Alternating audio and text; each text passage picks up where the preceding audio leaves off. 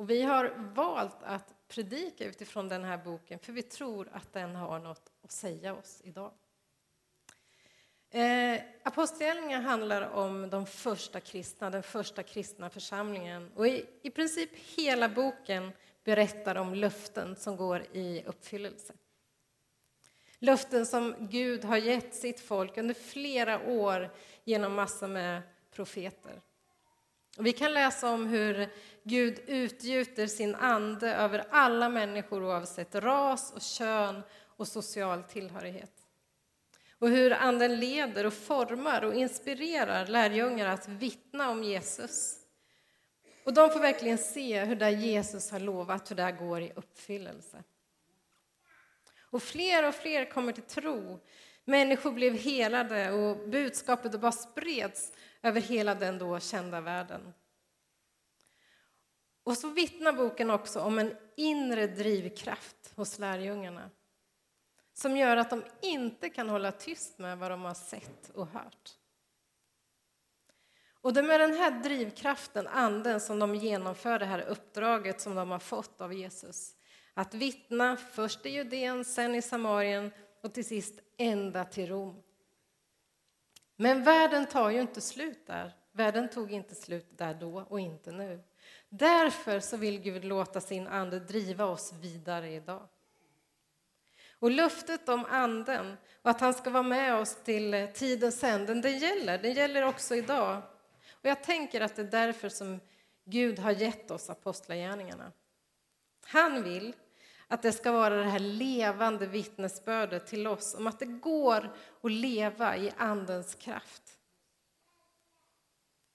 Inte bara då, utan idag. Det som hände då, det kan verkligen hända nu, idag. Och idag har vi då kommit fram till kapitel 10 och temat för dagen är Anden spränger gränser. Och vi har redan fått lyssna till hela texten och hört om hur Petrus i en uppenbarelse och tilltal från Anden uppmanas att gå till Cornelius. En man som i sin tur fått besök av en ängel och som manat honom att hämta Petrus. Och hos Cornelius får Petrus berätta om Jesus och de som lyssnar de kommer till tro. Och i det här kapitlet, det här är, ja, hela kapitlet är en berättelse som lär oss eller vill visa på tre saker, tänker jag. Att anden den faller när vi ber och lyssnar till Gud. Den visar av vikten av att lyda Guds tilltal och följa dit anden leder. Och anden faller när Guds ord predikas. Och vi ska ta en stund nu och titta lite närmare på vad det är som händer när Petrus och Cornelius när de ber, när de lyssnar till Gud, när de lyder och när de predikar ordet. Vi ska helt enkelt se vad den helige Ande kan göra genom oss. Och det här är ju viktigt. Det här handlar ju om nu och om oss. För det vi ser att Anden gjorde då i den här berättelsen, det kan han göra idag. Och vi börjar från början. Cornelius han får i en syn besök av en ängel. I Caesarea fanns en man som hette Cornelius. Han var from och gudfruktig och bad alltid till Gud. En dag på eftermiddagen såg han tydligt i en syn hur en ängel kom från Gud och hur han kom in till honom. Och så för de ett samtal, ängeln och Cornelius, där han ombeds att hämta Petrus. Och Cornelius han lyder ängeln på en gång och så låter han två tjänare ge sig iväg för att hämta honom. Det händer något med Cornelius när anden får verka i hans liv. Det här handlar inte bara om att han får en syn och tycker att det är häftigt.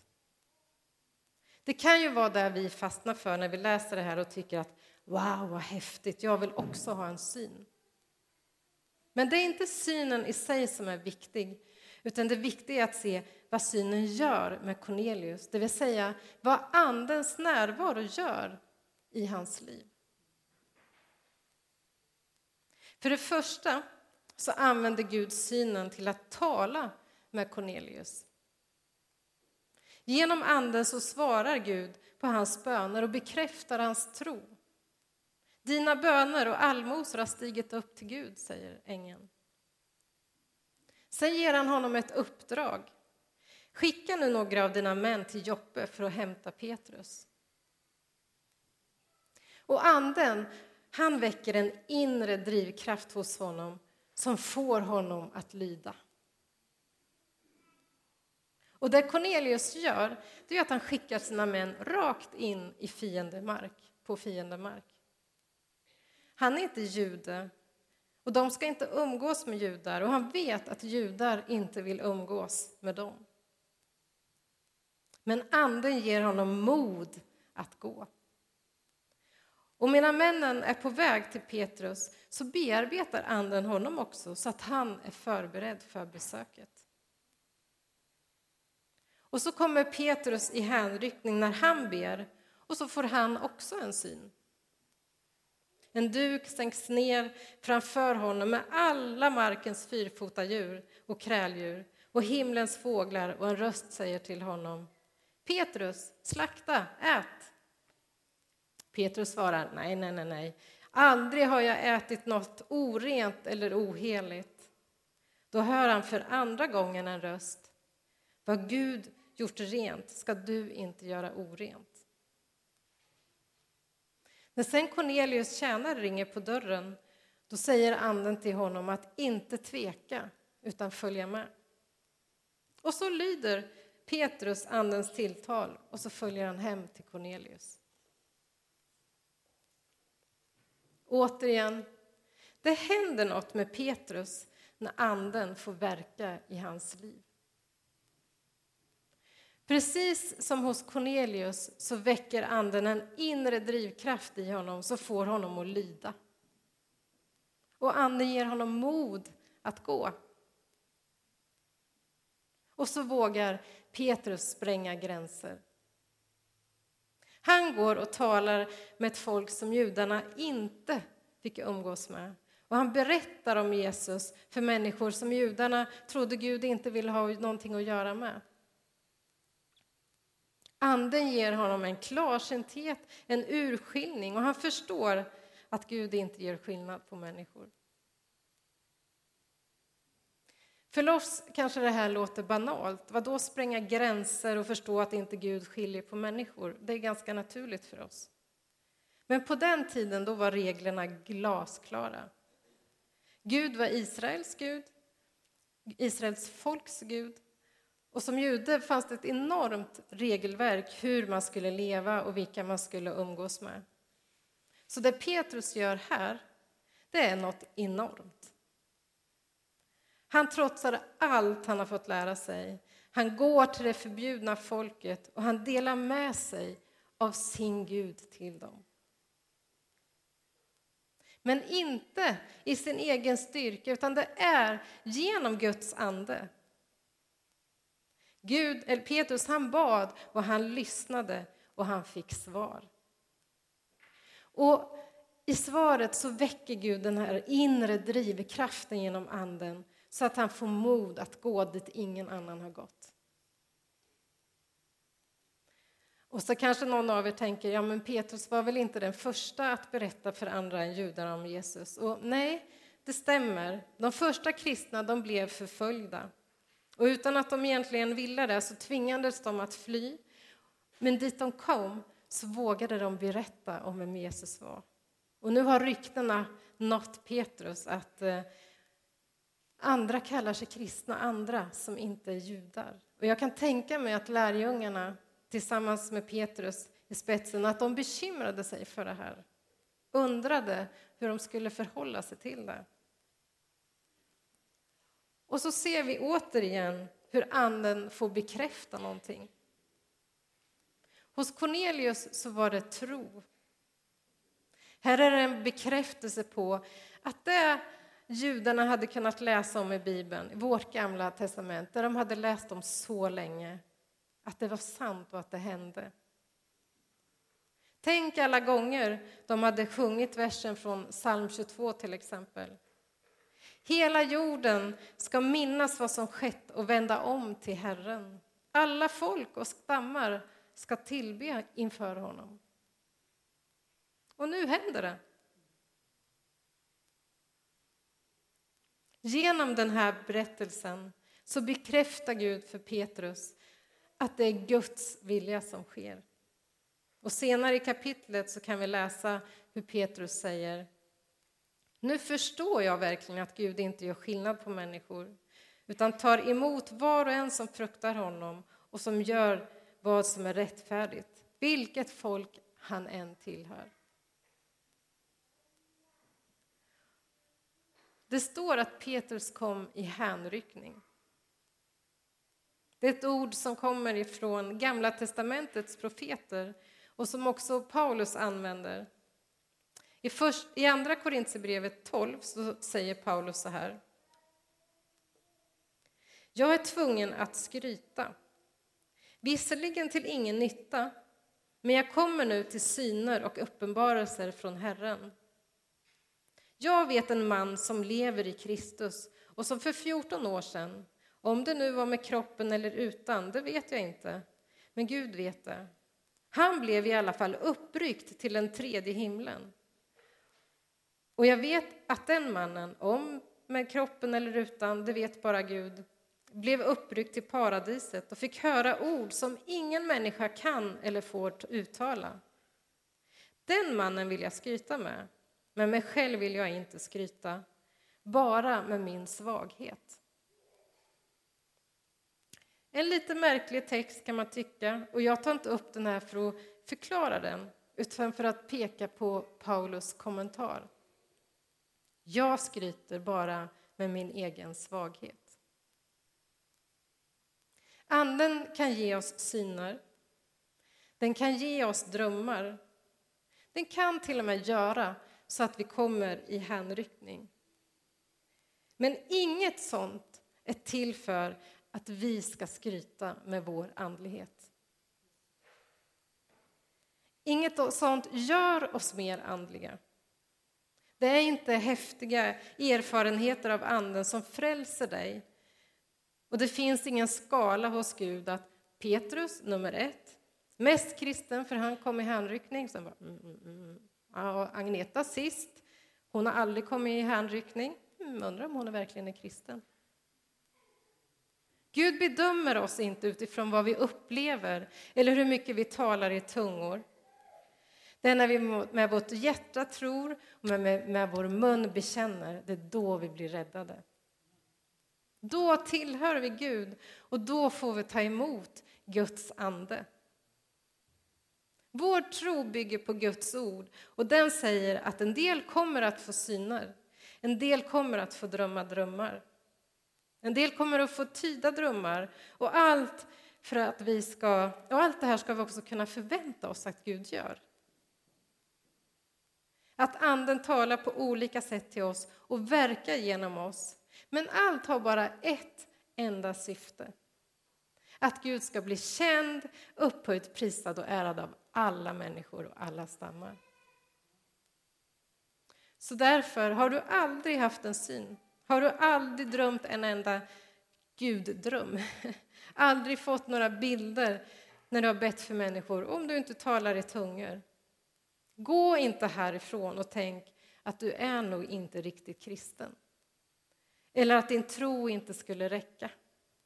För det gör den. Gud bor i dig och hans ande verkar i dig och han gör det mycket mer än vad du tror. Mer än vad du tror är du ledd av Guds ande. Och i första Korintierbrevet 12 så står det så här.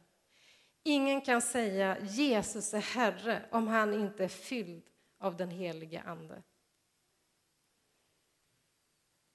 Men jag tror också att vi kan få växa i förmågan att urskilja vad Anden säger till oss. Och I, i Filipperbrevet 1 så ber Paulus en bön. Min bön är att er kärlek ständigt ska växa och bli rik på insikt och urskiljning så att ni kan avgöra vad som är väsentligt och stå rena och skuldfria på Kristi dag. Och det ska vara vår bön också Vi ska be, vi får be, att vi ska få växa i urskiljning och att Gud ska slipa vår andliga klarsynthet. Vi får be om drömmar, om syner och profetiska tilltal. Men den bönen ska vi be, inte för att kunna skryta med häftiga upplevelser utan för att vi ska kunna få vittna om honom och att fler ska få höra om honom så att fler kan komma till tro. Vi går vidare och ser vad Anden mer gör i kapitlet. Anden gör ingen skillnad på folk. Den faller över alla. Och det har vi ju redan sett, hur Anden bekräftar för Petrus att det Gud sagt i alla tider, att han är herre över hela jorden och alla folk, att det stämmer och att Gud låter sin ande falla över alla. Och även om vi inte tänker direkt som Petrus, att Gud bara skulle vara Gud för vissa, så är det bra för oss att påminna sig om det här. Att vi inte ska göra skillnad på folk eller hindra någon från att höra om Jesus. Gud har sagt att vi ska gå ut i hela världen och göra lärjungar. Och som det står i Filipperbrevet, en dag kommer alla knän och böjas för Jesu namn. I himlen, på jorden och under jorden. Och alla tungor ska bekänna att Jesus är Herre. Det är fantastiskt, eller hur? Tänk en dag, vilken glädje. Jag förstår inte hur det här ska gå till. Och jag kan se vissa människor och tänka att det går aldrig. Hur ska alla få reda på det här, vem Gud är? Men Gud säger något helt annat. Och mitt ansvar det är inte att veta hur det ska gå till. Mitt ansvar är att be, att lyda Anden dit han leder och bara berätta om Jesus. Och vi ska berätta, vi ska berätta och vi ska berätta. Och de som stannar kvar, de ska vi lära mer om vad Bibeln säger om vem Gud är. Och vi ska hjälpa varandra att leva ännu mer som lärjungar. Men i Guds ögon så finns det ingen som är för svår att nå. Och i Guds ögon är alla värda att älskas. Och för Gud är ingenting omöjligt. Och därför är ingenting omöjligt för oss heller. Och det finns inte en enda människa som inte Gud kan tala till och nå. Men det är inte genom någon människas styrka det här ska ske, utan genom Guds ande. Och om vi ber, om vi lyssnar in det Anden säger och går dit han leder, då kommer vi att precis som Petrus få se hur människor vi kanske aldrig hade tänkt, de kommer att säga sitt ja till Jesus. Anden kommer att falla över människor vi aldrig trodde skulle säga sitt ja. När Ian var här i onsdag så fick han en fråga om han visste om någon IS-anhängare hade blivit kristen. Och så berättade han att han vet om en bekräfta, ett bekräftat fall där han, en IS-medlem plötsligt har börjat drömma drömmar om korset. Och det har bara förföljt honom, de här drömmarna. Och till slut så kan han inte stå emot. Utan han flyr, han flyr till ett annat land, han tar kontakt med kristna som får hjälpa honom att förklara de här drömmarna. Och idag så är han en bekännande kristen.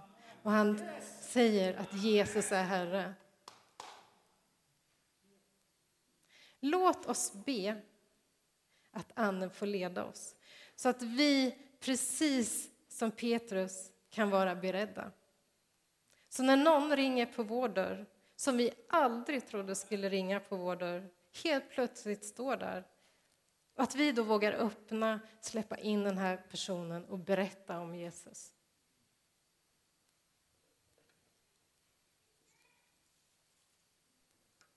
Så något kort om vad det är Petrus säger när han predikar och anden faller. Petrus vittnar berättar om Jesus.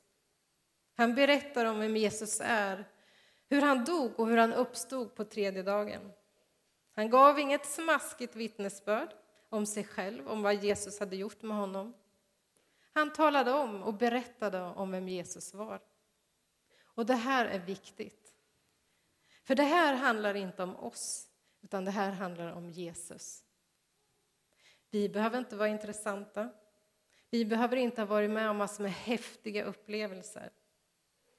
Det är inte vi och våra upplevelser som frälser, det är Jesus. Det är honom vi ska förkunna. Guds ord är levande och verksamt och det är Gud som väcker tro. Det är inte vi och det är inte våra ord. Därför kan var och en av oss, var vi än är och hur mycket eller lite vi än kan, så kan vi berätta om Jesus. Vi kan uttala Kristi ord, vi kan läsa Bibeln för andra. Och det gör något med lyssnaren, för där ordet uttalas, där verkar Guds ande. Och den väcker både tro och den bekräftar tro. Ordet och anden hör ihop. Vi behöver båda och det gör saker med oss. Sen när någon kommer till tro, precis, då ska vi hjälpa varandra att mogna. Vi ska lära oss mer och vi ska be tillsammans och fundera över vad det här säger till oss. Men ingen av oss behöver känna att vi kan för lite eller är för ointressanta för att kunna vittna. Det är bara att berätta om Jesus. Till sist. Vad säger allt det här till oss i mötesplatsen idag?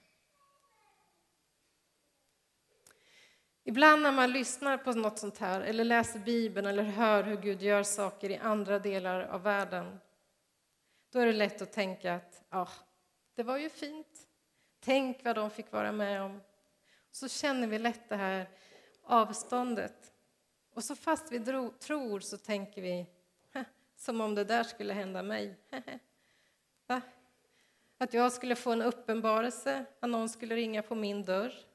Och så skulle jag få berätta om Jesus. Så skulle anden falla. Och så skulle folk börja tro. Nej, sådär. Men Gud vill ändra på den här känslan av att det går aldrig. Han vill ta bort det här avståndet. Han vill att vi ska se och förstå att det här kan hända. Det som hände då, det kan hända idag. Det vi hör händer på andra ställen i världen, det kan han låta ske genom dig och mig idag. Den helige Ande, det är krafternas kraft, vinden från en annan årstid, elden från himlen, de onda andarnas skräck och Guds kyss. Och han är här idag. Och precis som då, allt det som hände Petrus och Cornelius, allt det kan hända dig och mig. För Guds ande är här och han är levande och verksam. Och jag skulle ju kunna hålla på och berätta hur länge som helst exempel på hur lärjungarna fick fortsätta att göra det här som Jesus gjorde. Bota sjuka, uppväcka döda, driva ut demoner, se hur människor kommer till tro. Och jag skulle kunna hålla på ännu längre och berätta om hur lärjungarna i vår tid får se det här hända. Hur folk kommer till tro tack vare drömmar som folk hjälper dem att tyda. Hur kristna ber för sjuka, hur de blir helade. Till och med hur människor uppstår ifrån de döda. När vi bodde i Borlänge, till exempel, då hade vi en tjej i vår husförsamling. Hon hade växt upp på Papua Nya Guinea. Sen en kväll så säger hon så här. Ja, min syster uppväxte en död en gång. Ungefär som om det var lite vardagsmat. Vi andra bara, Hah! Och så berättar hon att eh, i deras by så hade en person varit död. Medicinmannen hade dödförklarat den. Ställt ut någon sån här grej utanför dörren att ja, nu är den här död. Som de gör där. Och sen alla människor hade gått därifrån, då går eh, tjejens syrra dit och ber för den här personen. Och nästa dag då kommer medicinmannen till familjen och är alldeles upprörd, för personen lever igen.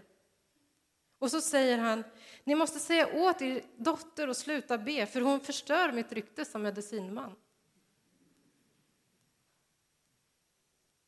Det kan hända nu. Inte bara på Papua Nya Guinea, utan här. Anden är och var inte bara verksam för 2000 år sedan eller där på Papua Nya Guinea. Han är här idag. Och mer än någonsin så längtar Gud efter att få öppna dina och mina ögon så att vi kan se att Gud vill låta Anden verka genom oss. Han vill skärpa vår hörsel och ge oss en andlig klarsynthet och urskiljning så att vi kan gå dit Anden leder oss. Och han, tror jag, vill plöja djup i våra hjärtan. Han vill stärka vår tro och ge oss mod att gå dit han vill leda oss. Och han vill ge oss kraft att berätta om Jesus. Och Det handlar om att vi går i hans kraft, inte i vår egen. I hans kraft får vi göra allt det här, be för sjuka, uppväcka döda, vittna och undervisa och sprida budskapet om Jesus. Och idag är dagen då Gud vill väcka liv i din och min inre drivkraft. Han vill väcka ännu mer liv i din och min tro. Och han vill låta oss se att det här kan ske genom dig och mig. För Guds ande bor i dig. Och han vill visa att han har gett dig mod. Använd det modet. Han har gett dig ord. Tala ut de orden. Och han har lagt sitt helande i dina händer. Så lägg dina händer på människor och be för dem och de kommer att bli friska. Det handlar inte om dig och det handlar inte om mig. Det handlar inte om vad vi kan och inte kan. Det handlar inte om hur starka vi är. För det här det sker inte genom någon människas styrka utan genom Guds ande. Och han är verksam över hela världen, hela jorden. Han är verksam här, han är verksam i ditt och i mitt liv. Och just nu är han det. Och är du här som känner att jag har inte den här inre drivkraften, då kan du bara be till Gud och han kommer att vilja ge dig den. Är du här som längtar efter ännu mer så Gud vill bara ge ännu mer. Och är det här som längtar efter en fördjupad andlig klarsynthet Gud vill bara ge dig det.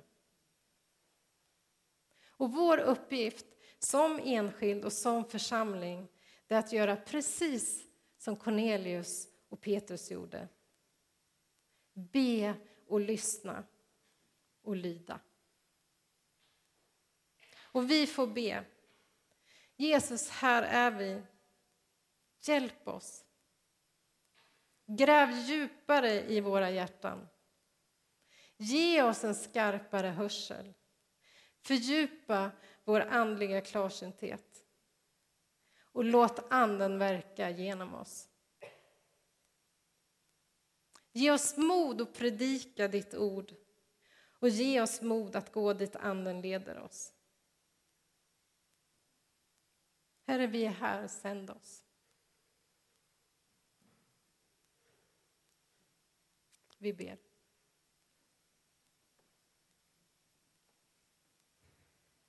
Herre, gör det här i våra liv.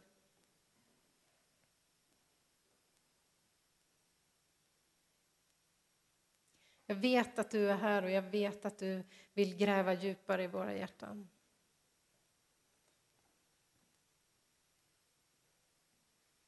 Kom Herre och bara låt din ande verka på djupet i våra hjärtan.